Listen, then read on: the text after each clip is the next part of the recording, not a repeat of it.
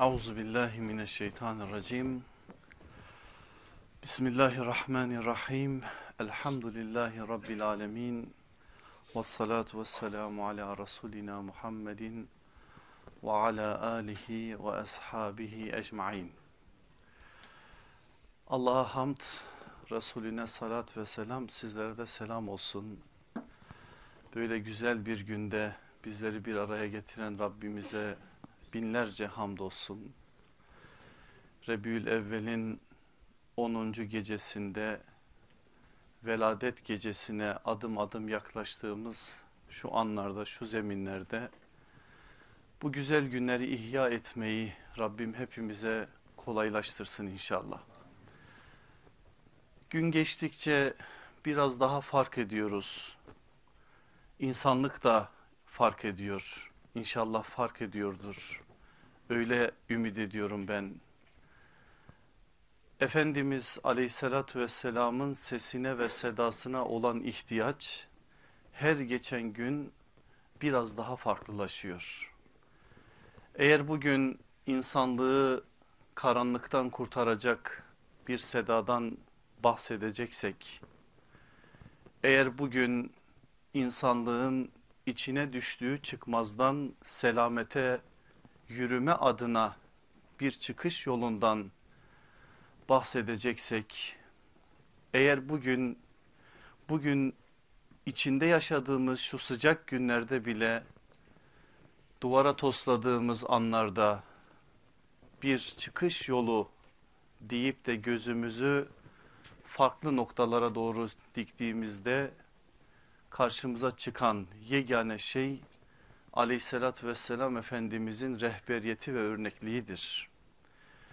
Veladet geceleri de zaten böyle ihya edilir. Aslında her gece bu muhasebenin yapılması için ilahi bir fırsattır da özellikle veladet gecesi Efendimiz'den bahsetmek, onun kutlu mirasını bir kez daha hatırlamak, biz o mirasın neresindeyiz?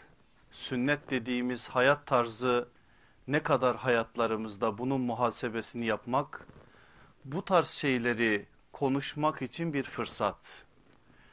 Biz de bu fırsatı çok iyi değerlendirmemiz lazım. İnanın bugün içinde bulunduğumuz bu sıkıntıları eğer Efendimizin kutlu hayatının örnekliğinde ve rehberliğinde çözebiliyorsak, bir noktaya geliyorsunuz tıkanmışsınız artık hiçbir çıkış yolu yok. Ama Efendimizin hayatını okuduğunuz zaman ha demek ki bu böyle olmalıymış. Demek ki bunun rehberiyeti örnekliği böyleymiş. Demek Resulullah sallallahu aleyhi ve sellem bu adımıyla 14 asır sonrasına benim karşılaşacağım soruna böyle bir derman sunmuş diyeceğimiz anlar işte işin hem muhasebesi hem ihyasıdır. Benim duam şu aslında bana kızmasaydınız bugün hep içimden o geçiyordu. Dedim ki başlayayım duaya bir buçuk saat dua edeyim. Bu gece bir dua gecesi olsun. Sadece Resulullah sallallahu aleyhi ve sellemin şu güzelliğinden, veladetinden, mevlidinden daha fazla istifade etme adına dua dua yakaralım dedim ama işte belli belirlenmiş bir konu var o konuya yine gireceğiz ama şu olsun duam Allah bizi böyle güçlü bir sermaye önümüzde duruyorken mahrum olanlardan etmesin. Resulullah sallallahu aleyhi ve sellem siracen münirdir. Aydınlatan bir kandildir. Aydınlattığı gibi ısıtan da bir kandildir. Soğuklarda kalanlara hem bir ısı kaynağıdır karanlıklarda olanlara bir ışık kaynağıdır. Rabbim bizleri de onunla ısıtsın inşallah. Bizleri onunla aydınlatsın inşallah. Son nefesimize kadar aleyhissalatü vesselam Efendimizin yolunda yürütsün inşallah. Küçüklüğümüze rağmen, noksanlarımıza, eksiklerimize rağmen yarın onunla karşı karşıya geldiğimiz zaman bu da benim ümmetim deyip bağrına basılan o bahtiyarlardan sizleri kılsın inşallah. Beni de sizlerin arasına dahil etsin inşallah. O gün mahcup olanlardan, mahzun olanlardan, kederli olanlardan değil yüzü pırıl pırıl parlayıp Resulullah'ın o güzel sancağının altında toplanmayı hepimize nasip eylesin inşallah. Yol onun yolu biz de ahlak dediğimiz zaman onun ahlakını öğrenmeye çalışıyoruz. Bildiğimiz ve fark ettiğimiz bir hakikat olarak ne kadar ahlaklarımızı o güzel ahlaka o muhteşem ahlaka benzetirsek o kadar hayatlarımız da anlam kazanacak inşallah. Onun için muhteşem ahlak dedik. Onun için kaç haftadır ticaret ahlakı dedik. Mülkiyet ahlakı dedik. Kurban ahlakı dedik. Letafet mizah ahlakı dedik. Bugün de söz geldi aile ahlakına dayandı. İnşallah beraberce ahlak noktasında önemli bir bahis olan aile ahlakını bugün beraberce anlamaya çalışacağız. Aile ahlakı dediğimiz zaman, aile dediğimiz zaman çok ciddi sıkıntılarımızın var olduğunu görüyoruz. Gün geçmesin ki ben bir telefon ya da mail almayayım. Böyle sizler gibi yakın çevremizdeki kardeşlerimizden ailelerine ait sorunları anlatmamış olsunlar. Gün geçmesin ki birilerinden bu manada bir şey duymamış olalım. Nasıl bir hale geldik? Bizi nasıl bir hale getirdiler? İnanın anlamakta zorlanıyoruz. 3 aylık, 6 aylık, 1 yıllık bir evlilikte nasıl sorun çıkar? Ben bunu anlamakta zorlanıyorum. O gençlere de söylüyorum. Ama öyle bir farklı telkinle yetişiyor ki şu anda gençlerimiz. Zaten iki tane Allah'ın kaderlerini birleştirdikleri insanlar değil sanki birbirleriyle meydan savaşına çıkacak iki mücahit gibi evlilikler yapılıyor. Kız babaları, teyzeleri, halaları aman kızım kendini ezdirme telkiniyle damat evine gönderiliyor.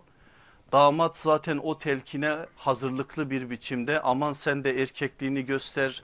İlk gün kediyi parçalamalısın eğer onu ilk gün yapmazsan sözünü dinletemezsin gibi savaş meydanlarına çıkacakmışcasına bir telkinle gençlerimiz ne yazık ki bugün aile dediğimiz o büyük müesseseyi kurmaya çalışıyorlar. Ha bir devlet kurmuşsunuz ha bir aile kurmuşsunuz. İslam nazarında ikisi arasında bir fark yok. Bir aileyi çok güzel yönetmişsiniz ha bir devleti yönetmişsiniz ikisi arasında fark yok. Zaten birini yapan birini yapabilir. Birinin hakkını ödeyen ötekini de yapabilir. Bugün biz bazı şeylerden mahrumsak elimizin altındaki değerleri o değere uygun bir biçimde kullanamadığımızdan dolayıdır. Biraz baktım internetten bu boşanma oranlarına falan çünkü çok duyduğumuz şeyler sarsıldım gerçekten. Son 10 yılda bizim ülkemizde başka yerleri konuşmayalım bizim ülkemizde yüzde 99'u en azından kağıt üstünde Müslüman olan bu ülkede 1 milyon 43 bin 97 çift boşanmış ve evlerini ayırmış. Felaket bir rakam bu rakam. Yani ülkemizin nüfusunu dikkate aldığınız zaman evlilik oranlarını hane sayılarını dikkate aldığınız zaman karşılaştığınız rakam ürkütücü bir rakam. Sadece 2012 yılı için iki tane rakam vereyim. 2013'ü bitirdik. 2013'te çok daha üst düzeyde bu rakam ama ben 2012'yi vereyim. Evlenen çift sayısı 603.751, boşanan ise 123.325. Yani evlenenlerin sayılarının dörtte biri kadar boşanan var. Boşanma nedenlerini siz benden daha iyi biliyorsunuz. Gelin işin bir taraf bu tarafına boşanmamış, aile baskısından çekindiği için böyle bir adım atmamış. El bizi bilmesin görmesin diye sırlar saklanma adına bağra basılmış ama evde huzur yok. Evde iki tane canavar var birbirlerini parçalamak için fırsat kollayan iki tane canavar. Orada aile hukukundan bahsetmek, aileden bahsetmek, İslam'ın o güzelliğinden bahsetmek, orada nefes alınacak bir zeminden bahsetmek mümkün değil. Rakamlar böyle siz bu rakamı ikiye üçe çok rahat bir biçimde çarpabilirsiniz. huzursuzluk oranları boşanma oranlarının çok çok daha ötesinde. Ne oldu bize biz bu hale geldik? Ne oldu ki İslam toplumu olan geleneğinde İslam olan yüzyıllardır İslam'ın güzellikleriyle yetişen bir toplum bu noktaya geldi. Hele dışarıdakileri bir tarafa bırakalım. Bizim içimizdeki kardeşlerimize ne oluyor? Aynı cemaatten, aynı vakıftan, aynı dernekten, aynı hocayı dinleyen gençler bir bakıyorsunuz 3 ay sonra, 4 ay sonra, 6 ay sonra çatırdamaya başlayan ve İslam ahlakını da yansıtmayan boşandıktan sonra o boşanma ahlakını da ayrıca bir ele almakta fayda var. O da ayrı bir dert zaten. Ama gerçekten Müslümanı yansıtmayan tavırları, davranışları ve sözleri duyuyoruz. Ne olduğumuz belli aslında. Biz gerçekten Kur'an'ın ve sünnetin terbiyesini tam anlamıyla anlayamadığımız için aleyhissalatü vesselam efendimizin örnekliğini ve önderliğini tam anlamıyla kavrayamadığımız için başkalarına o alanları bıraktığımız için başkaları bize başka telkinlerde bulundukları için hayattan kopuk ayakları yere basmayan pembe tablolar çizerek evliliği farklı bir biçimde bize gösterdikleri için ve aile dediğimiz o müessesenin değer ve kıymetini tam anlamıyla anlamadığımız için Allah'ın o değere yüklediği değerin boyutunu tam anlamıyla kavrayamadığımız için bunlar başımıza geliyor. Onun için bu konuda dertlerimiz çok bizim ve gerçekten bu meseleyi ne kadar konuşsak, ne kadar gündem etsek, ne kadar bu mesele üzerinde çalışma yapsak, ne kadar bu manada birbirimize hakkı ve sabrı tavsiye etme adına telkinde bulunsak azdır. Çünkü felaket var önümüzde. Her gün bir hane yanıyor. O hanede çocuklar yanıyor boşanan evlerden boşanma gerçekleşen evlerden yetim kalan öksüz kalan çocuklar ortalıkta kalan çocuklar ki bizim çocuklarımız onlar mağdur edilen hanımlar mağdur edilen beyler mağduriyet tek taraflı değil bunların hepsi bizim yüreğimizin parçalarıysa bu felakete su dökmek bu yangına su dökmek bu ateşi söndürmek hepimizin üzerine bir vücubiyet bir vacibettir. İşte ben biraz bu manada elimden geldiğince de çok fazla da basitleştirmeden ara ara da gündemde olan ve gündemimizde olan bazı meseleleri de somut olarak ortaya koyarak bu meseleyi söz sahibi olan aleyhissalatü vesselam efendimizin rehberliğinde sizlere anlatmaya çalışacağım. Allah bana yardım etsin size de anlayış ve kavrayış noktasında idraklerinizi fehimlerinizi açsın ki alacağımızı alalım ve hak ve hakikat noktasında önce kendimize sonra da etrafımıza bu konuda istifadeli olalım inşallah. Bu derslerimin iki muhatap çevresi var. Delikanlılar gençler de var onlar bize ne demesinler diye bunu belirtmek durumundayım. İki muhatap çevresi var. Bunlardan bir tanesi bekar olan gençler ister hanımlar ister beyler fark etmez. Bunlara dair söyleyeceğim sözler evliliğin teşviki ve inşası noktasındadır. Yani ben evliliği kötülemeyeceğim bu kadar soruna rağmen. Çünkü böyle bir şeye hakkım yok. Evet bana sorsanız hocam aklı olan evlenir mi? Bilmiyorum ona ne derim. Aklı olan evlenir mi evlenmez mi onu bilmem ama dini olan evlenir. Çünkü evlilik meselesi din meselesidir. Hal böyle olunca ne kadar kötü örnek olursa olsun ne kadar sıkıntı olursa olsun dert olursa olsun ki olacak sonuna kadar da olacak. Şimdi onlara dair bir şeyler söyleyeceğim. Yine de burada gençlere söyleyeceğimiz şey evliliğin teşviki ve inşasıdır. İkinci muhatap çevrem başta kendi nefsim olmak üzere evli olan tüm erkeklere ve hanımlaradır. Onlara ne diyeceğim? Öldürmüşsün diyeceğim arkadaşım o işi gel evliliğin ihyasını konuşalım. Yani sen belki evli gözüküyorsun hanım var çocuklar var 10 sene geçmiş 5 sene geçmiş 20 sene geçmiş 30 sene geçmiş ama acaba Resulullah'ın istediği gibi mi senin evliliğin? Var mısın test etmeye? Var mısın o muhteşem ahlakın örnekliğinde kendi evliliğini, kendi aileni, kendi haneni test etmeye? İşte burada da ikinci muhatap çevremize ihya noktasında, evliliği diriltme noktasında, canlı tutma noktasında bir şeyler söylemeye çalışacağız. Dolayısıyla bu derslerin iki muhatap çevresi de kendini her daim muhatap saymalı. Bana değil bu sözler dememeli bizzat onlara her kimsen sen sana bu sözler bunu bilmeli ve bu çerçevede söylediklerimi ha hocanın şu söylediği de falanca adama çok iyi uyuyor değil. Falanca adamı boş ver şimdi. Bana çok iyi uyuyor. Ben bu söylenenlerin neresindeyim noktasında inşallah bir muhasebeye sevk etsin bizi.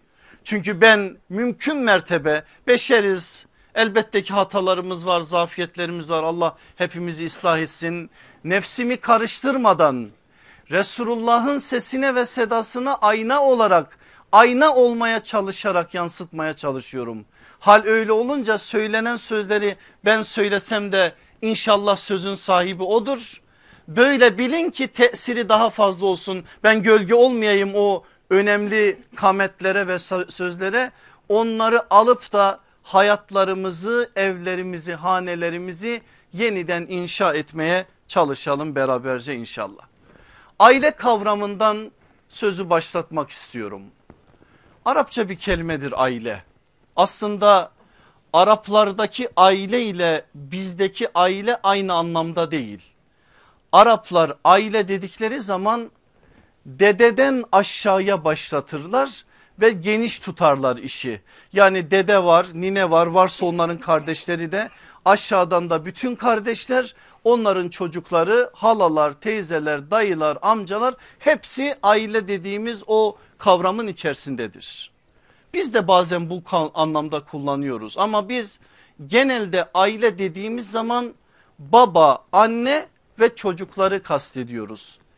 Eğer kastımız biraz önce benim tarif ettiğim geniş alanda ise ona geniş aile diyoruz bazen. Bazen aşiret diyoruz ki aşiret de Arapçadır ama aşiret biraz daha farklı bir anlamdadır. O fazlaca tanımlarla sizi yormak istemem.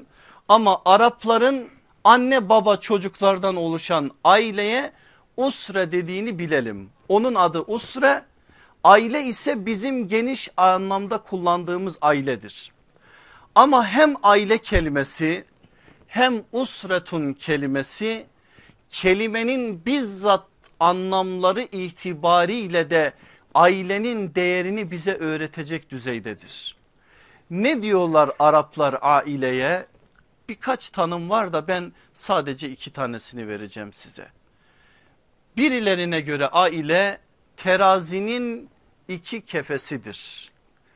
Eğer bu kefelerden bir tanesi hak ettiği kadar değerde olmazsa diğer kefe ne olur? Şöyle olur. Ama eşit olduğu zaman birbirlerini tartarlar. İşte Araplara göre bir yönüyle aile mizandır, terazidir. Terazinin iki kefesinin eşit olması anlamındadır. Bir diğer anlamı ailenin bir taraf var bir taraf daha var.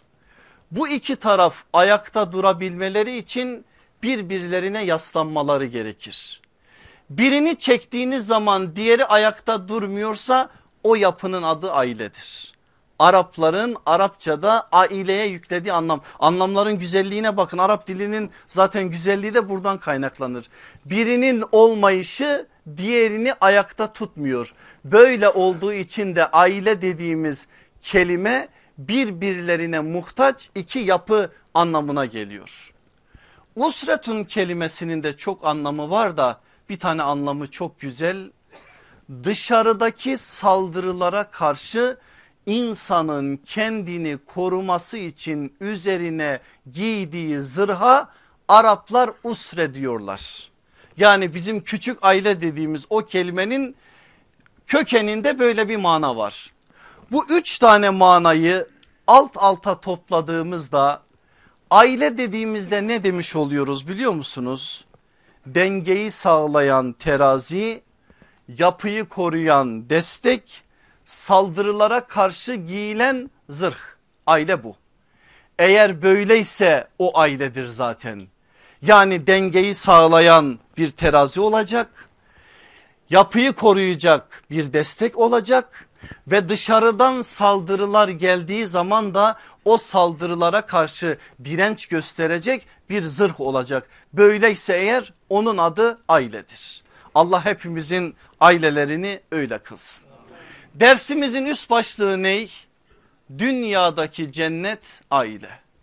İtiraz edin bana deyin ki hocam Allah Resulü aleyhissalatü vesselam dedi ki dünya müminin zindanıdır.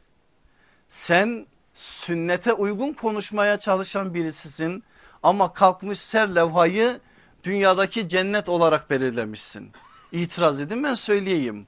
O kelimeler orada, oraya özel kondu.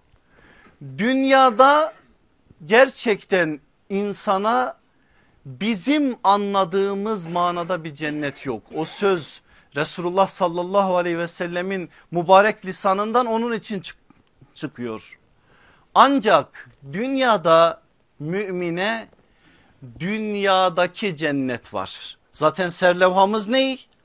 Ahiretteki cennet değil. Dünyadaki cennet. Dünyadaki cennetle ahiretteki cennet arasında fark var mı? Var hem de bir sürü. Nasıl? Ahiretteki cennette dert yok. Tasa yok. Kavga yok. Bildiğiniz manevi hastalıklar neyse artık adı hasettir, kibirdir, bencilliktir, şudur budur bunların hiçbiri yok. Dünyadaki cennete iş geldiği zaman bunlar var. Bunlar aynen duruyor. Sadece bazı yerlerde cennetin kokusunu alabileceğiniz imkanlar var. Zaten onu aldığımız zaman oh diyoruz bak cennet kokusu geldi. Ama aslında yaşadığımız yer halen dünya ve halen o daim bir halde değil. Biraz sonra kaybolup gidecek başka bir durum ortaya çıkacak. Onun için ahiretteki cennet daimdir, kaimdir, hakikattir, işin aslıdır ve orada hiçbir şekilde bizim anladığımız manada dert tasa kaygı yoktur. Ama dünyadaki cennette böyle bir devamiyet yok. Geçicidir, asıl değil kopyadır. Bildiğiniz bütün imtihanlar halen duruyor sonuna kadar da duracak ama bazen dediğim gibi kapı aralanacak bir nefes alabileceğimiz kadar cennetin kokusunu duyacağız. Allah aşkına siz söyleyin siz ilk kez Kabe'yi gördüğünüz zaman o anda hissettiğiniz ruh hali cennet kokusu değil mi?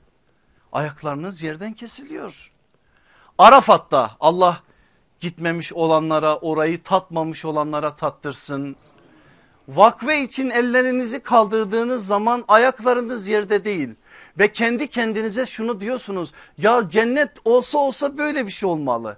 O anda Allah'a yakınlık, kurbiyet insanın tasvir edemeyeceği noktada ve Arafat'ta siz bambaşka bir ruh halindesiniz. Sonuna kadar orada cennetin havasını soluyorsunuz. Varıyorsunuz cennetül muallaya Hatice anamız ve diğer sahabi efendilerimizin metfun olduğu yer aynen. Medine'ye geliyorsunuz direkt Resulullah'ın işareti var. Evimle minberimin arası cennet bahçelerinden bir bahçedir. Söz Resulullah sallallahu aleyhi ve sellemin. Uhud cennet dağlarından bir dağdır. Akik Vadisi Buthan Vadisi cennet vadilerinden birer vadidir. Resulullah söylüyor ve sizin gerçekten alıcılarınızda bir problem yoksa oralardan cennet kokusunu duyuyorsunuz. Hele Uhud'a bir gece varın bütün her şeyi de böyle zihninizden sıyırın atın. Hamza'nın kabrinin başında oturun radıyallahu an. Şöyle bir içinize çekin o şehidin ruhaniyetiyle de orası sizin için olur bir cennet. Uzatın gitsin bunlar cennetin havasını duyabileceğimiz yerler. Peki nereye kadar? Mesela gittiniz Uhud şehitlerini ziyaret ettiniz. Bir otobüse taksiye neyse binip geleceksiniz otelinize. Affedersiniz size bir bedevi rastlayacak.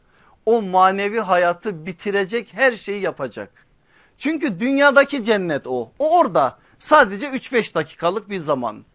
Medine'de de Ravza-i Mutahhara'da Resulullah'ın beyanı cennet bahçelerinden bir bahçe oturacak bir tanesi oraya sanki babasının tapulu malı gibi oradan kalkmayacak sizi fitil edecek siz o manevi havayı bile oradayken kaybedeceksiniz ama dünyadaki cennet bu böyle orada kalıcı değil oradaki tat ve lezzet ahiretteki cennete benzemiyor onun için dünyadaki cennet ifademiz çok iyi anlaşılsın ki bugün en büyük sıkıntıyı yaşadığımız noktalardan biz bu manada aslında alacaklarımızı alarak o noksanları telafi etme adına gayret içerisinde olalım.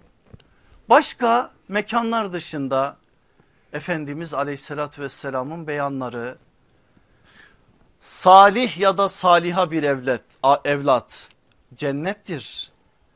Salih ya da saliha bir eş cennettir. Yani ev dediğimiz salih ve saliha eşlerin ve evlatların olduğu hane cennet bahçelerinden bir bahçedir. İnşallah öyledir cennetin şubeleridir onlar. Peki öyle olması kavganın gürültünün sıkıntının olmadığı anlamına gelir mi? Hayır. Bakın ilerleyen derslerde ben size Peygamber aleyhissalatü vesselamın evini anlatacağım. Onun hanımlarıyla olan münasebetlerini anlatacağım. Başımızın tacı olan analarımızın Resulullah'a neler yaptıklarını onların ruhaniyetlerinden de özür dileyerek anlatacağım. Anlatmamız lazım bunları. Çünkü biz zannediyoruz ki cennet yaşanacaksa eğer orada sıfır sorun. Böyle bir şey yok. Sıfır sorunun yeri ahiretteki cennet. Burada sorunun içerisinden cennet inşallah. İstenilen o zaten. Bazen cehennemin kokusunu da duyacaksın. Cehennem buradan benim kastım o azabın bizatihi kendisi değil sıkıntılı olan şeyler insanı çileden çıkaran şeyler niye yaşadım bu adam beni deli etti evlenmeseydim beni kimler istedi kimler istemedi onlara gitmedim de buna gittim diyorlar ya şimdi bu tarz sözler de söylenecek. Aslında evliliğin selametle yürüyebilmesi için gadap hakkı diye bir hak vardır. Gadap hakkı nedir biliyor musunuz? Ben şöyle tarif edeyim o hakkı ki daha iyi anlaşılsın. Ömerce davranmak. Yani bazen tabaklar uçuşabilir, bazen sesler yükselebilir, bazen farklı havalar esebilir. Mümkündür bu evliliğin tuzu biberi mi dersiniz artık ne derseniz bu böyledir ve bu çok doğal bir şeydir. Bugün kalkıp da televizyonlarda şurada burada evlilik adına ders verenlere bir bakın araştırın. Çoğu için demiyorum ama büyük bir kısmı kendisi evli değil. Yaşamadığı şeyi anlatıyor. Kendisi 2-3 defa evlenmiş boşanmış millete evlilik ders veriyor. Ama ben size öyle bir muallimden bahsedeceğim ki bir nikah altında dokuz tane hanım var sallallahu aleyhi ve sellem. Yahudi aslı var, Hristiyan asıllı var, Mısır'dan var, Medine'den var, Amr İbni Sa'sa diye Arap'ın en meşhur kabilesinden var. Mekke'nin sizin bildiğiniz Beni Mahsum'dan, Beni Ümeyye'den, şuradan buradan var. Bir tek yerden yok. Orasında, orada da yaşıyor zaten sadece ve sadece Medine'de Ensardan yok onun dışında hemen hemen Arap'ın birçok kabilesinden hanım var. Neden Ensardan yok? O da güzel bir hikmet sallallahu aleyhi ve sellem. Sad bin Ubade Ensar'ın büyüklerinden biridir. Geliyor bir gün Efendimizin huzuruna. Ya Resulallah diyor evlilik bağıyla çoklarıyla bağ kurdun. Ama siz ensarı mahrum bıraktınız. Yoksa siz bizim hanımları beğenmediniz mi? Ensardan da bir hanımla evlenseniz de o şerefi de bize tattırsanız.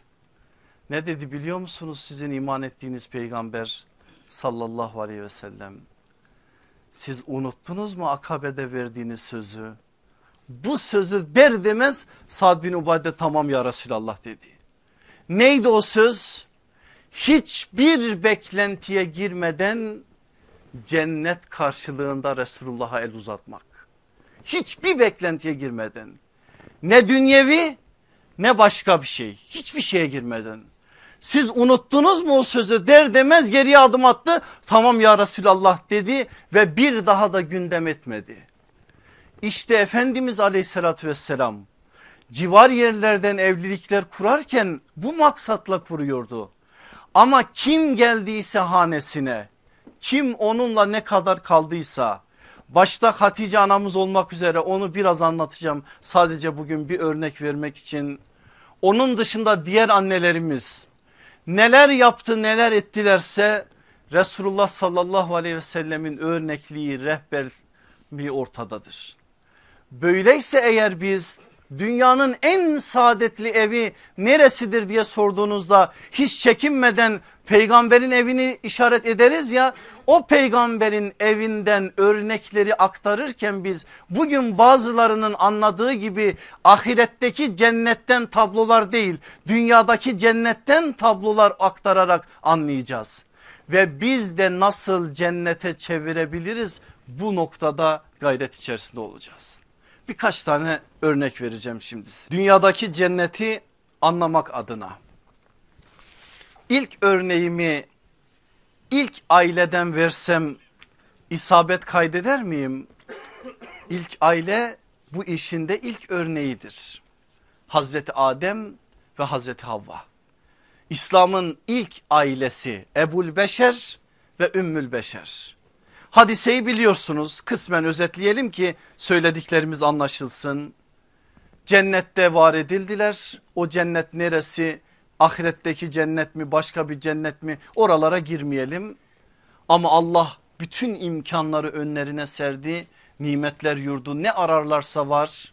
Sadece imtihan gereği bir ağaca yaklaşmayın dedi. Şeytan da orada. Şeytan ne yaptı? Önden geldi arkadan geldi sağdan geldi soldan geldi. Sakın bunları yön olarak anlat anlamayın. Önden dost gibi geldi arkadan düşman gibi geldi. Sağdan müsbet şeyleri telkin ederek geldi. Bazen şeytan insanı şişirerek ayağını kaydırır. Soldan da menfi şeyleri söyleyerek geldi. Bir şekilde Hazreti Adem'i ve Hazreti Havva'yı o yasak ağaca yaklaştırdı. O yasak meyveden yenildi. Allah onlara ceza verdi. İlk İslam ailesi aileye bakın nasıl başlamış. Bakın cennet ama cehennemi yaşamışlar hemen cennetin içerisinde. Siz misiniz bu ağaca el uzatan? Allah onları indirdi dünyaya. Hazreti Adem'i Hindistan bölgesine Havva annemizi Cidde bölgesine Cidde'nin isminin de oradan geldiği söylenir zaten. Ve günler süren belki aylar bilemiyoruz belki yıllar o zamanki süreci tam anlamıyla kavramamız mümkün değil bir cehennem azabını yansıtan bir arayışla birbirlerini aradılar. Aradılar, aradılar, aradılar. Buluşma mekanı olan Arafat'ta birbirlerini buldular. Birbirlerini bulur bulmaz cennetin kokusunu bir daha duydular. O kadar azap, o kadar sıkıntı bir anda unutuldu. Birbirlerini bulmanın sevincini yaşadılar. Arafat'ta Allah'tan öğrendiği kelimelerle dua dua yakardı Hazreti Adem. Allah kabul etti onun tevbesini affa mazhar oldu. Oradan yola çıktılar Müzdelife'ye izdilaf mekanına meş'aril harama yani insanlığın tohumunun atılacağı insanlık tohumunun bir şekilde saçılacağı o meydana ve o meydanda da bir şekilde insanlığı neşet etme adına adımlar attılar. Yine cennet yaşıyorlar bakın orada cennetin kokuları var çok güzel bir halde ve Hazreti Adem'in şöyle bir talebi oldu. Ya Rabbi dedi ben cennette iken orada bir mabet vardı ve melekler o mabedin etrafını tavaf ediyordular. Bir mabette biz edinsek burada biz de senin evinin etrafını tavaf etsek olmaz mı? Cennetin kokusunu özlemiş Hazreti Adem ve talebini böyle iletiyor. Rabbimiz tamam diyor ya melekler yapıp teslim ediyor ya bizzat Hazreti Adem yapıyor ve orada Beytül Ma'mur'un iz düşümü olan Kabe inşa ediliyor. Tavafın başlangıcı olsun diye de cennetten bir taş getiriliyor. O taş daha sonra Hazreti İbrahim'e de verilecek. Tavaf başlıyor cennet kokusu yine duyuluyor nesil çoğalıyor ve ilk ailede ilk kan dökülüyor. Allah aşkına peygamber evlatlarından bahsediyoruz anlayabiliyorsunuz değil mi? Ve ilk nesilden bahsediyoruz. Koca Mekke onların nereye gitse onların neyi paylaşamadınız ne oldu da aranızda peygamber çocuğu olarak Kabil ile Habil sahneye çıktılar ve birbirlerinin kanını döktüler. Ve ilk İslam ailesi bir peygamber ailesi olarak inkar eden bir çocuğun sahibi oldu. Hem de o çocuk bir katil olarak Allah'ın huzuruna gitti. Cennet yok. Cennet olsaydı eğer cennetten gelen Adem'e olurdu Havva'ya olurdu. Allah onlara dünyadaki cenneti yaşattı ama imtihanları en şiddetli bir biçimde devam etti. Hadise uzun ben sadece özetledim size ama bir mesaj vereceğim bu sözlerin üzerinden. Aslında ne dedi biliyor musunuz Hazreti Adem'le Hazreti Havva bize? İnsanlığın ilk iman eden ailesi de olsam iman eden çocuklarım olduğu gibi inkar eden çocuklarım da olabilir. Unutma imtihan ağır, yük ağır, sorumluluk ağır. Bunu bil, bil de sahneye öyle çık. Gelin ikinci örneğe insanlığın ikinci atası olan Hazreti Nuh'tan vereyim size örneği. Hazreti Nuh peygamber olarak seçilip kavminin önüne çıkarılmadan önce sevilen bir tüccar. Hanımı var hanımıyla arası çok iyi. Evlatları var evlatlarıyla sorunu yok. İnsanlardan itibar gören biri ama ne zaman hak adına bir şeyleri dillendirmeye başlıyor o büyük insan ve bunu da bin eksi 50 sene devam ettiriyor. 950 dememek için Kur'an'la aynı dili konuşmak için bunu söylüyorum. Bin eksi 50 sene bunu devam ettiriyor. Hak adına bir şeyler söyleyince evinin içinden başkaldırı oluyor. Ve Nuh'un hanımı kocasını tasdik etmiyor. O tasdik etmediği için Kenan da tasdik etmiyor. Ve artık Hazreti Nuh bıçak kemiğe dayandığı bir anda gemi yapmış bir gemiyi ancak dolduracak kadar insana sözünü geçirmiş. Dalgalar gelmeye başladığı anda el uzatıyor oğluna Kenan'a gel oğlum diyor tut elimi diyor bak dalgalar gelecek boğulup gideceksin diyor. Hayır diyor ben beni koruyacak yerlere sığınacağım diyor. Konuşma daha bitmeden dalgalar Kenan'ı da alıp götürüyor. Bir peygamber inkar eden bir hanım inkar üzere ölen bir çocuk. Nasıl bir imtihan Allah aşkına görebiliyor musunuz? Kimin imtihanı Hazreti Nuh kadar ağır? Kim 950 sene çocukları için yandı durdu içimizden? Kim kaç gecesini çocuklarının namazsızlığından şikayet eden anne ve baba olarak uykusuz bıraktı? Kim çocukları için ağladı? Kim bunu yaptı ki şu kadar şikayet etme hakkımız olsun? Ama Hazreti Nuh ta ötelerden bize bunların hepsini söylüyor. Nedir onun verdiği mesaj? İman gemisine onlarcasını alıp kurtarsam dahi Allah nasip etmedikçe ne yastığı paylaştığım eşimi ne aynı evi paylaştığım oğlumu kurtarabilirim. Hazreti Nuh'un mesajıdır bu. Demek ki peygamber evinde olmak tek başına kurtuluş için yeterli değil. Peygamberin oğlu olsan kızı olsan ne yazar? Bir şey yazmadığını beyan etme adına kurban olduğumuz Efendimiz aleyhissalatü vesselam ilk gün daha 10 yaşındayken Fatıma kızım Fatıma Nefsini Allah'tan satın olmaya bak. Babam Resulullah'tır diye güvenme. Ben bile yarın senin için bir şey yapamam diyordu. Bu sözlerinin feryadıdır. Cennet var evet ama cennetin içinde azap var. Cennetin içinde imtihan var. Cennetin içerisinde yük var. Nereye doğru sürüklersen seni oraya götürecek bir imkan bir alan var. Gelin İshak'ın oğlu Yakub'a Hazreti İbrahim için de söyleyebiliriz. Bildiğiniz için söylemiyorum ama İbrahim'i söylemezsek aleyhisselam onun o sofrası eksik kalacak. Onu da söyleyelim bari bir iki cümleyle. Gencecik bir aile olarak başlatıyor Harran'da Hazreti İbrahim mücadeleyi. Sare onun amcasının kızıdır. Bir iman ailesi olarak mücadele veriyorlar. Putları kırdığı zaman Hazreti İbrahim evlidir ve bir ev sahibidir. Bir aile reisidir Hazreti İbrahim.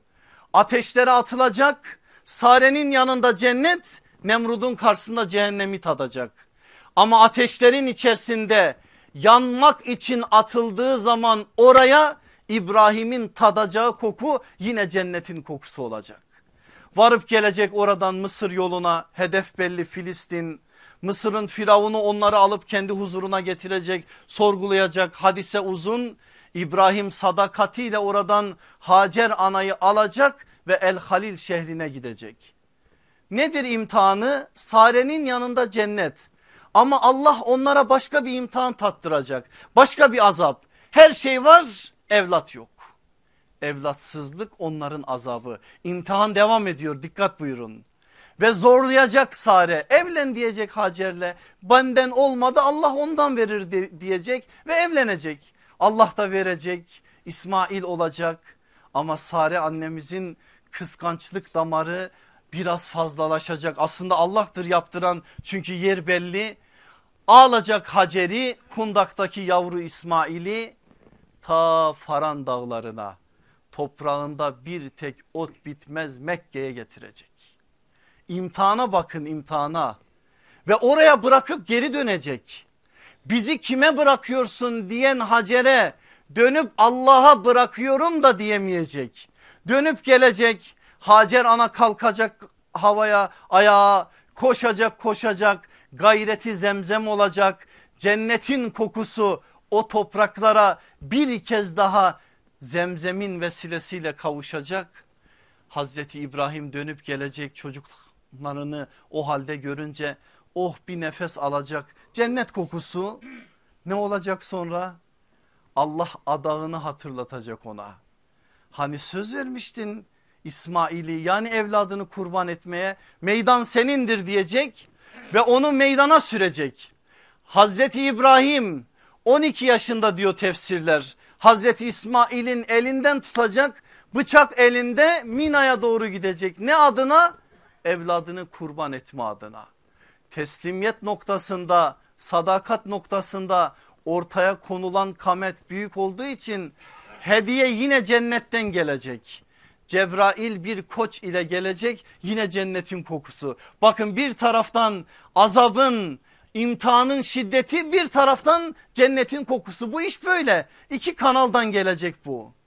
Ve orada Hazreti İsmail kurtulacak gelen fidyeye karşılığında onların imtihanı da öyle bitecek. Gelin Hazreti Yakub'a farklı bir şey mi? Hazreti Yakup İshak'ın oğludur. Allah 12 tane evlat vermiş erkek evladı cennet. Cennetin kokusunu en üst düzeyde yaşıyor. Ama şeytan onların içerisine haset duygusunu koymuş. Birbirlerini yiyip bitirmeye başlamışlar. Cennet dönüşmüş cehenneme. Cennetin içerisinde cehennem, cehennemin içerisinde cennet. Bazen böyle. O haset ileri düzeye varınca Hazreti Yusuf kuyulara atılınca değersiz birkaç dirheme satılınca köle pazarlarında satlık olarak insanların huzuruna çıkarılınca Mısır'ın azizi onu satın alıp saraya götürünce oraya kadar Yusuf için cehennem. Saraya vardı biraz rahata erdi cennetin kokusunu tatmaya başladı. Ne oldu sonra? En ağır imtihan. iffetiyle imtihan edildi Hazreti Yusuf. Aziz'in hanımı onun nefsinden murat almak istedi. Yusuf yakışıklı, güzel, insana hayran bırakacak bir kamet ama ben cebbar olan Allah'tan korkarım dedi. O anda cehennemi yaşamaya an kala cenneti seçti. Cennet Yusuf için sarayda değildi zindanların içindeydi. Ben onların bana davet ettiklerindense zindanı yeğlerim diyerek zindana vardı ve medrese Yusufiye'de cennetin kokusunu aldı yıllar yılı. Aradan yıllar geçti bir daha saraya bu sefer hükümdar olarak döndü. Hazreti Yakup, Hazreti Yusuf ve onların mücadeleleri. Gelin aleyhissalatü vesselam efendimizle işi bağlayalım da asıl söyleyeceklerimize sözü getirelim. Efendimiz ve aile desek hayatında aile adına çok şey söylenir de bir parçayla sadece özetleyelim. Babayı yitiriyor babasız dünyaya geliyor. Annesi Amine süt annesi Halime 6 yıllık ömür onların yanında 6 yaşında gözlerinin önünde Amine annemizi de dar bekaya yolcu ediyor. 6 yaşında bir çocukken Geliyor dedeye dedenin yanında cennet kokusu var. Dede Abdülmuttalip'tir Seyyidül kavmdır cübbesini torunu Muhammed'in altına seren bir dededir. İki yıl çok değil cennet kokusu dedenin yanında Allah dedeyi de alacak bu sefer amcanın yanında. 17 yıl boyunca amca Ebu Talib'in yanındadır. Ara ara çok sıkıntılar çekmiştir o eve katkı sağlama adına çalışmıştır. Tüccar peygamber bahsinde işledik. Ama o evden hep vefa görmüştür. Evin anası olan Fatma binti Esed Allah ondan ebeden razı olsun. O nasıl Resulullah'ın anasıysa bizim de anamızdır. Eğer bizi kabul ederse biz ona ana deriz. O ana Resulullah'ın ifadesiyle kendi çocuklarına yedirmemiş Resulullah'a yedirmiştir kendi çocuklarının rahatını Resulullah'ın rahatı için bozmuştur. Onun için hicretin dördüncü yılında Fatıma annemiz vefat ettiğinde Efendimiz öyle ağlamıştır öyle ağlamıştır ki sahabe ya Resulallah Ali'den daha fazla üzüldünüz demiştir. O da demiştir ki o Ali'nin de annesiydi benim de annemdi. Ali'ye yapmadığını bana yaptı demiştir. Kabir kazıldıktan sonra Resulullah hiç yapmamıştır birkaç tanedir örneği. O gün ilk kez yapacak. Kabre önce kendi uzanmış. Allah'ım burası benim anamın kabridir. Ona genişlet diye dua etmiştir. Sahabe anlatıyor. Geçti cenaze namazını kıldıracak. Tekbir aldı bıraktı. Tekbir aldı bıraktı. Tekbir aldı bıraktı. Sayamadık 70 tane tekbirle ancak bitirdi dedi, demişlerdir Fatma binti Esed'in cenazesini. Böyle bir sevginin nasıl bir izahı var? Vefaya karşı bir vefa bu aslında. Ve Allah Resulü aleyhissalatü vesselam analığını annelik hasretini anne deme hasretini süt annesinin dışında iki hanımda teskin etti biliyorsunuz. Onlardan birisi de Ümmü Eymen anamız birisi de Hazreti Ali'nin annesi Fatma binti Esed'di. 17 yıl boyunca oradadır. Yaş 25.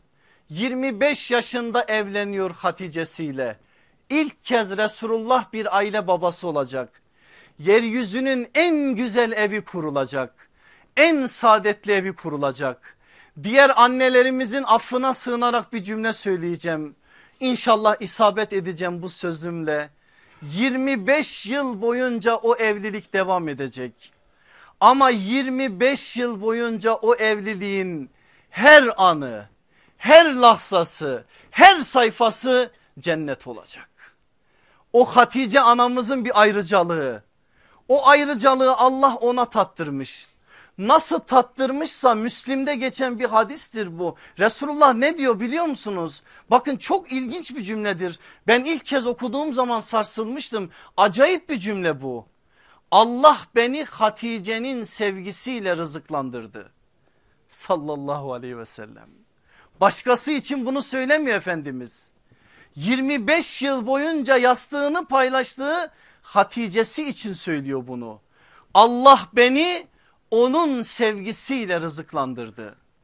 O sevginin, o güzelliğin, o cennet kokusunun en güzel anlarını Resulullah onun yanındayken alıyor. Öyle bir hane, öyle bir ev ki o ev. Evliliğin ilk yılları Ebu Talip diyor ki Hatice zengin bir kadındır. Yeğenim ise fakir. Acaba Hatice zenginliğin verdiği özgüvenle yeğenime karşı farklı bir tavrı olur mu? Neba isimli bir hizmetlisi var. Onu gönderiyor. Git diyor. Hatice ile Muhammed'in evini bir gözle ne görüyorsun gel bana anlat. Gidiyor. Ne kadar kalıyor bilmiyoruz. Geliyor. Gelir gelmez Ebu Talib'e söylediği söz şudur. Ya Ebu Talip böyle bir ev ben görmedim. Böyle bir evin örneği yok Mekke'de. Daha peygamberimiz peygamber değil dikkat buyurun. Evde hizmetliler var. Efendimiz o Muhammed diyor öyle diyeyim. Muhammed sallallahu aleyhi ve sellem bir şey istediği zaman Hatice kimselere bırakmadan hemen o koşuyor. Bir şey söyleyeceği zaman anam babam sana feda olsun efendim diyor. Bir şey konuştuğu zaman Hatice gözlerini Muhammed'in önünden ayırmıyor. Ben böyle bir sevgi ve böyle bir evlilik görmedim diyor. Bunu söylediği zaman Ebu Talip yaşlı gözlerle bu müjdeyi alacak o da sevinecek. Hatice anamızın Efendimizle evliliği böyle bir evlilik. Dikkat buyurun o anamız iki tane de daha öncesinden evlilik yapmış. Yaşı 40'tır. Üç tane de çocuğu vardır. Ve böyle birinin üzerine Resulullah'la evlenecek. Ama 15 yıl nübüvvetten önce 10 yıl nübüvvetli günlerde o zorlu süreçlerin hepsinde Hatice anamız tam bir anadır. Tam bir eştir. Öyle olduğu için ehli beytin anası olma şerefi de ona nail olmuştur. Allah ebeden razı olsun ondan. 15 yılını biliyorsunuz ara ara anlatıyorum size. Miladi 610 Kadir gecesi kader gecesi Allah Resulü aleyhissalatü vesselam vahiy almış peygamberlik tacını nübüvvet hırkasını giymiş ciddi bir heyecan ve korku altında tir tir titriyor gidip sığınacak bir liman lazım ona aşağıda kendisini bekleyen limanlar var amca Ebu Talif var dost arkadaş Ebu Bekir var bir din alimi olan Varaka İbni Neffel var ama bunlara değil bunlara değil bir adrese gidiyor. Neresi orası? Dünyadaki cennetine gidiyor.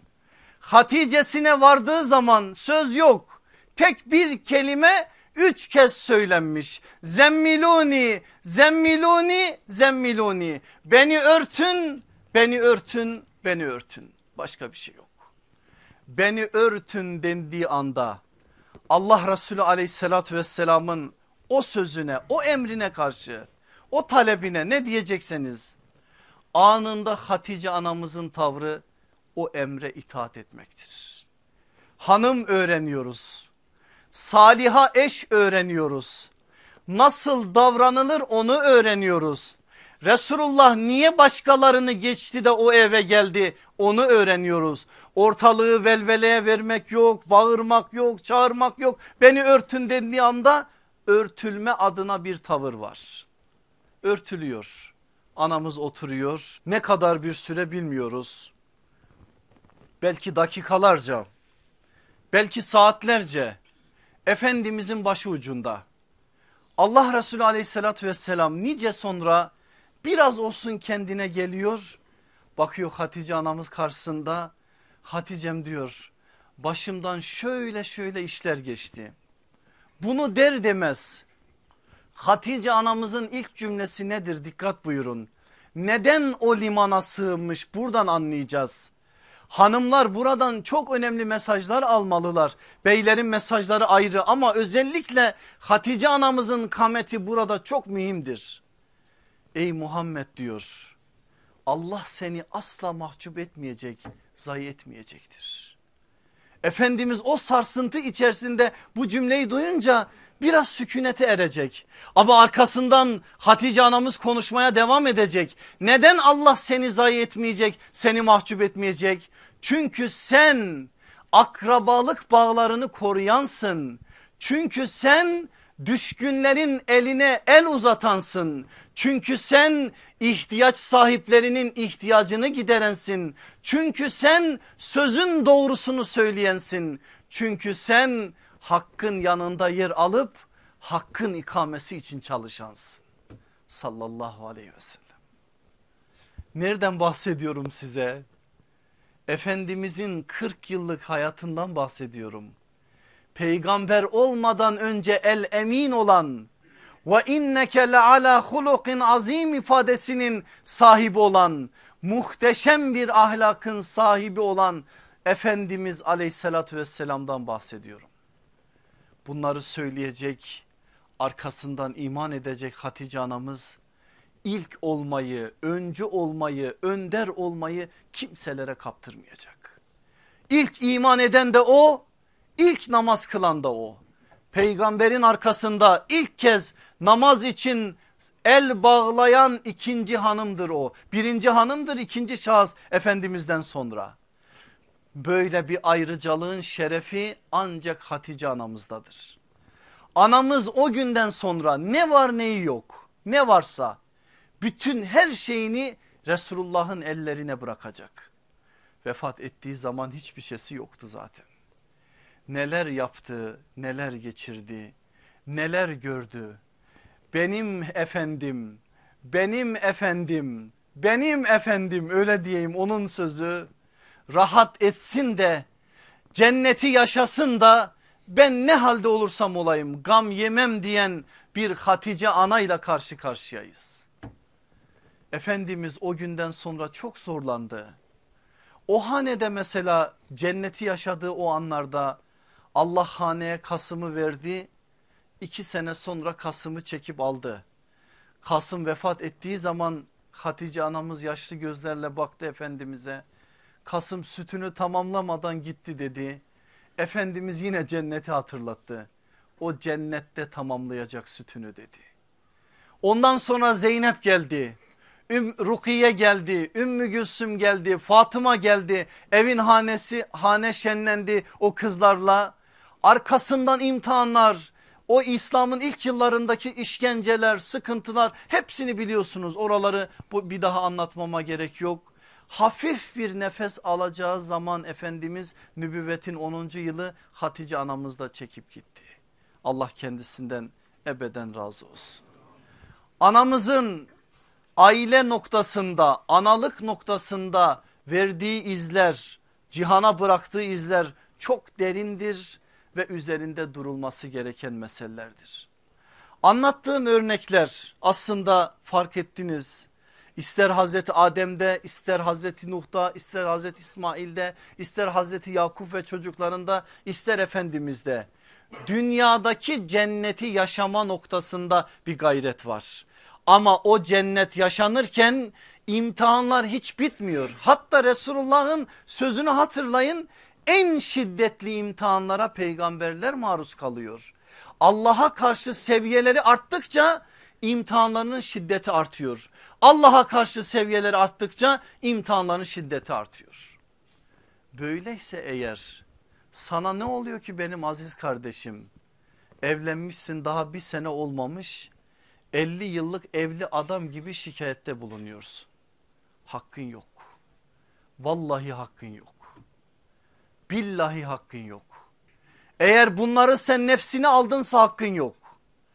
Bunları eğer sen nefsinin üzerine aldınsa peygamberlerin yaşadıkları ortadayken nasıl büyük imtihanlarla karşı karşıya kaldıkları ortadayken ufak tefek bir incir çekirdeğini doldurmayacak bahanelerle bahaneler üreterek konuşmaya hakkın yok. Hakkımız yok. Hakkımızın olmadığını aile ahlakı derken hayatımızda bulunması gereken ilkeleri sana veriyorum beş maddeyle. Bak aslında her biri yine aleyhissalatü vesselam efendimizin bazılarında ayetler de var deliller. ayetlere de yaslanan bu beş tane ilke aile ahlakı için bize neler söylüyor?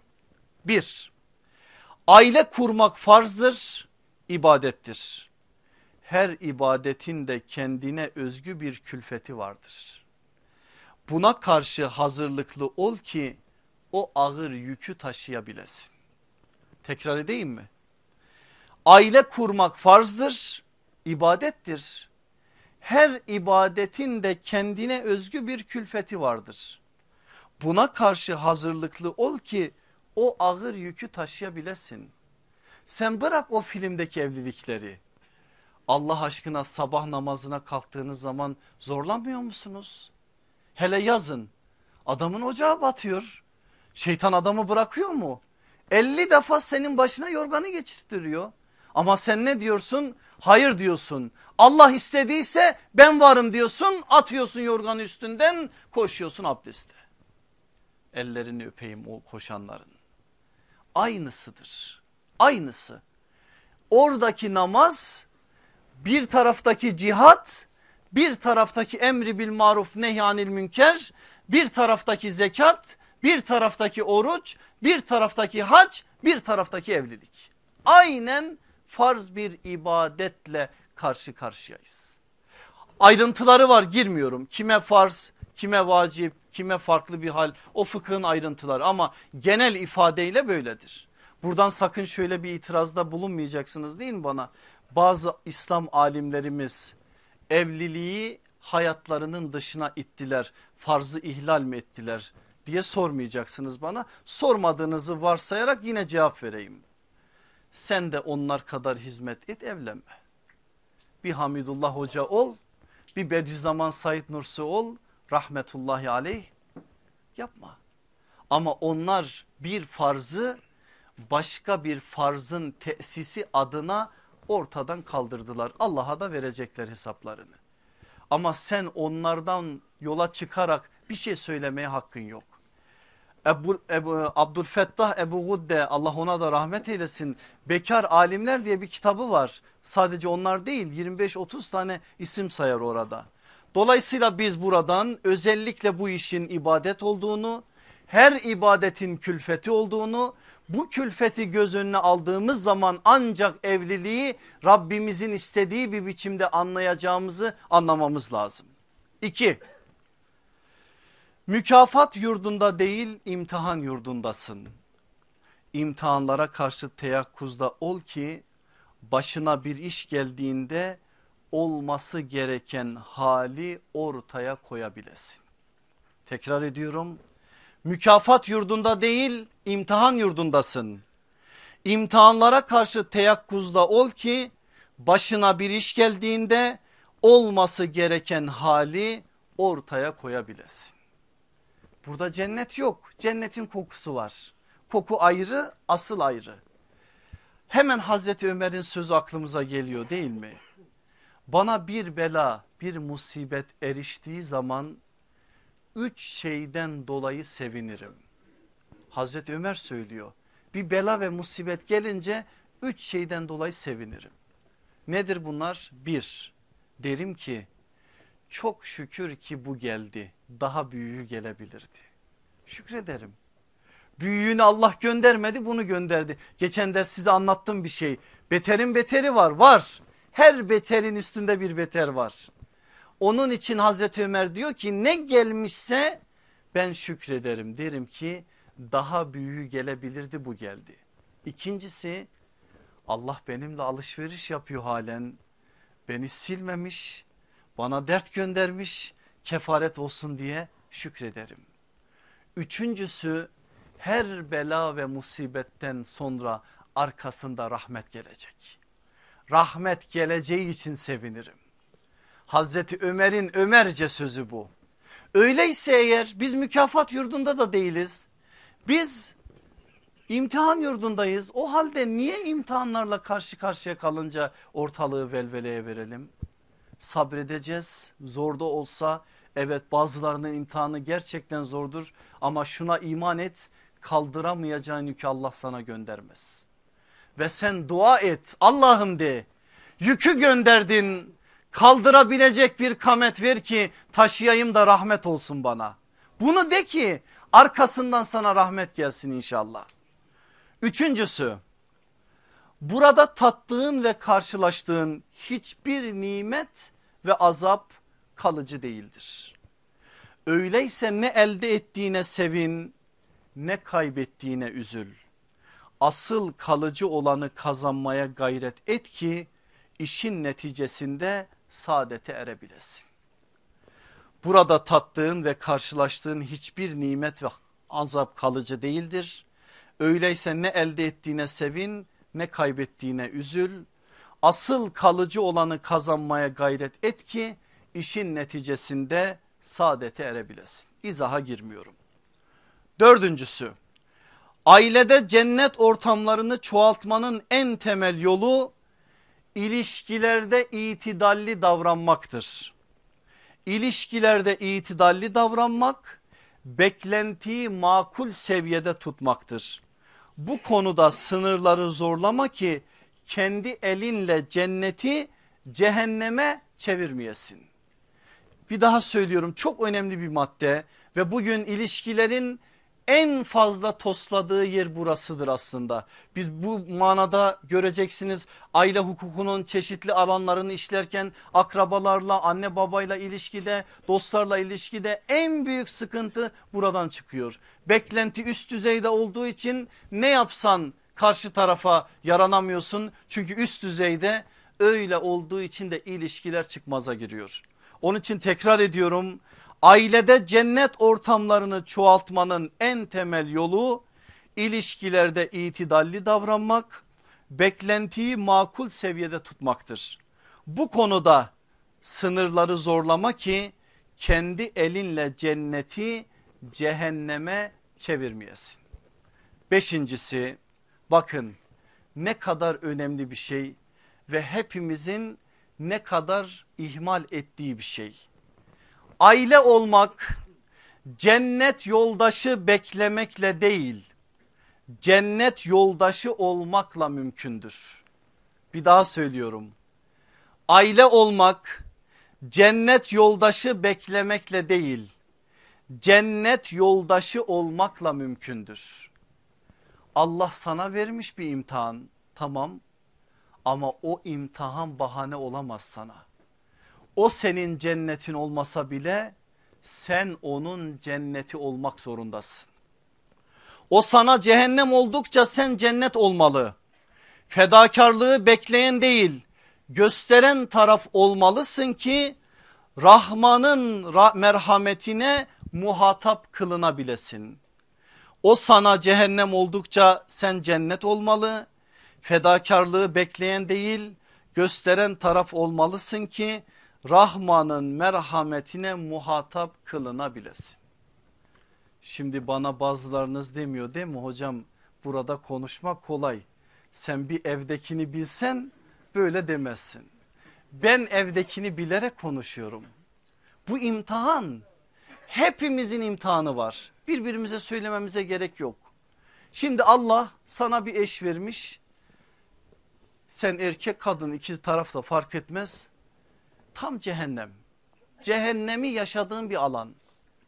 İmtihan ama onun yanında tutacak sana oradan o eşten o senin beğenmediğin o senin eleştirdiğin eşten sana iki tane evlat verecek salih saliha cenneti yaşayacaksın.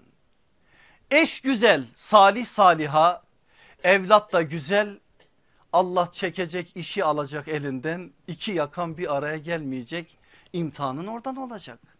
Böyledir. Zannetme ki bu alanda bir şey bittiği zaman başka bir şey bekle, başlamayacak. Her an var her an her an devam ediyor. İşin güzel ama Allah sana senin imtihanını evlatlarından verecek.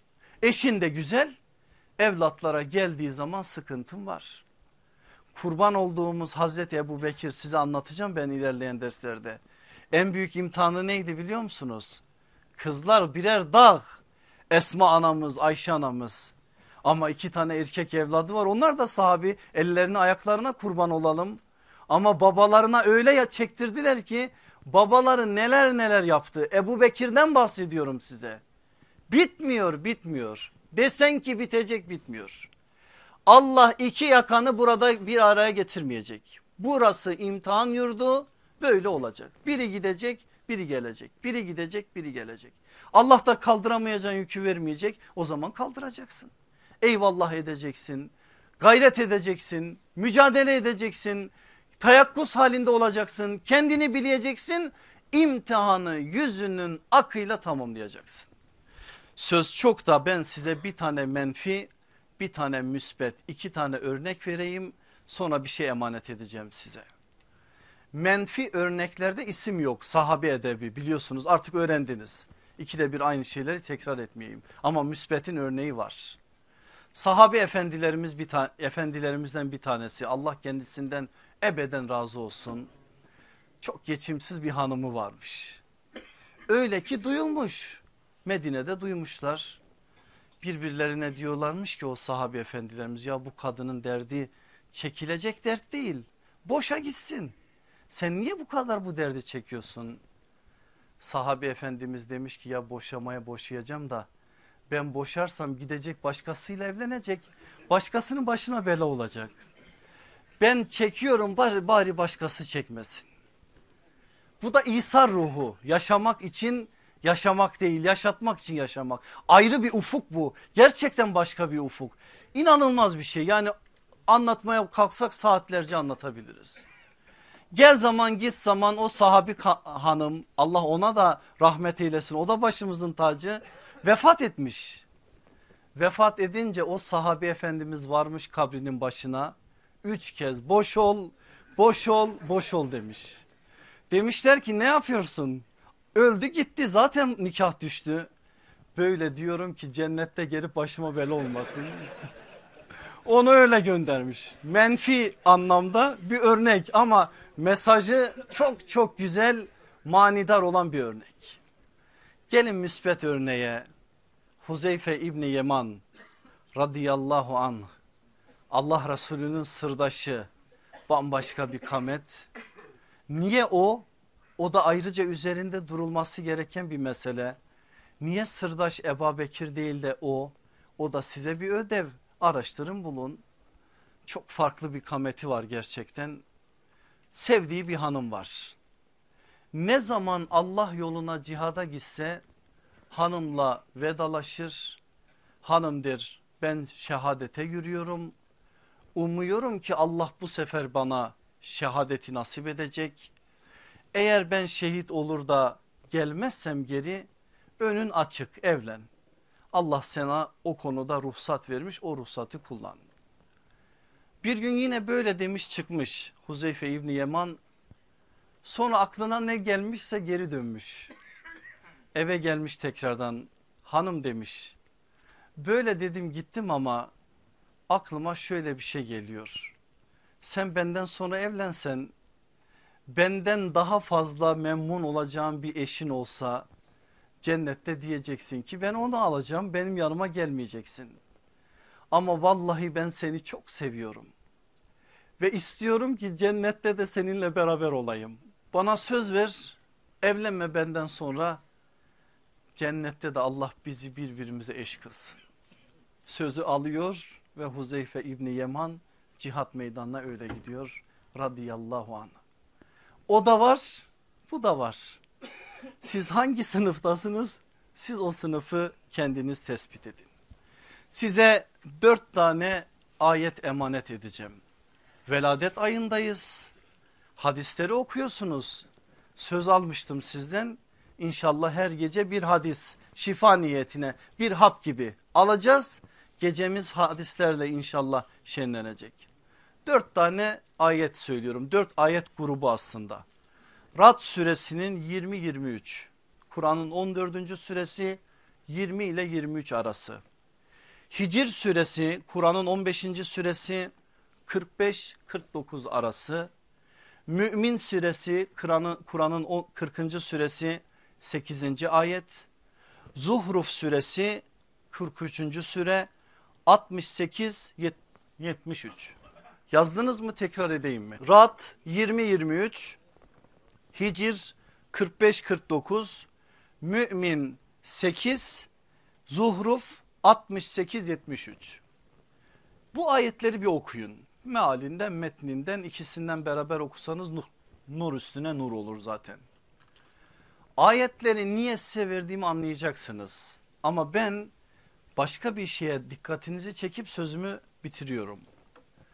Bu ayetleri ne zaman sahabe okusa sahabenin Kur'an'la münasebeti canlı bir bağ ya o canlı bağın gereği ellerini açarlar eşlerine ve çocuklarına dua ederler. Bana söylemeyin bunun cevabını da bir kendinizi sorgulayın bakayım. En son hanımınıza ne zaman dua ettiniz? Hanımınıza ismini vererek Allah'ım ona rahmet eyle, mağfiret eyle, cennetini nasip eyle ve cennette bizi beraber eyle diye kim dua ettiyse o kendisini bilsin dua etmeyen de bilsin de buradan alacağını alsın. Sahabe ne zaman bu dört grup ayeti okusa ellerini açıyor ve bu manada dua ediyor. Biz de bu ahlakı öğrenelim inşallah. Neden? Çünkü o dua sadece ahirette beraber olma duası değil dikkat buyurun. Eşinizle cennette beraber olma duası dünyadaki cenneti çoğaltma duasıdır. Bakın cümlemi bir daha tekrar ediyorum. Eşinizle beraber cennette olma duası dünyadaki cenneti çoğaltma duasıdır. Eğer bu duayı biz yaparsak birçok sıkıntıyı inanın ki artık konuşmayacağız. Evet imtihan devam edecek baştan kabul ettik onu. Ama en azından imtihan bize biraz daha hafifleyecek. En azından biz tartma adına güç ve kuvvet bulacağız. En azından bu manada sırtımız güçlenecek. Bazı şeyler bize biraz daha hafif gelecek. Allah sizi de bizi de inşallah eşlerimizle, sevdiklerimizle, dostlarımızla beraber cennette buluştursun. İçimizde bekar kardeşlerimiz var onlara da salih ve saliha eşler nasip eylesin. İnşallah Rabbim burada nasıl bizi aleyhissalatü vesselam efendimizin sofrasında cem ediyor birleştiriyorsa asıl sofrada da bura kopya asıl orası asıl sofrada da birleştirsin inşallah. Rabbim bu duadan bu temenniden bu niyazdan bizleri ayırmasın. Velhamdülillahi Rabbil Alemin. El Fatiha.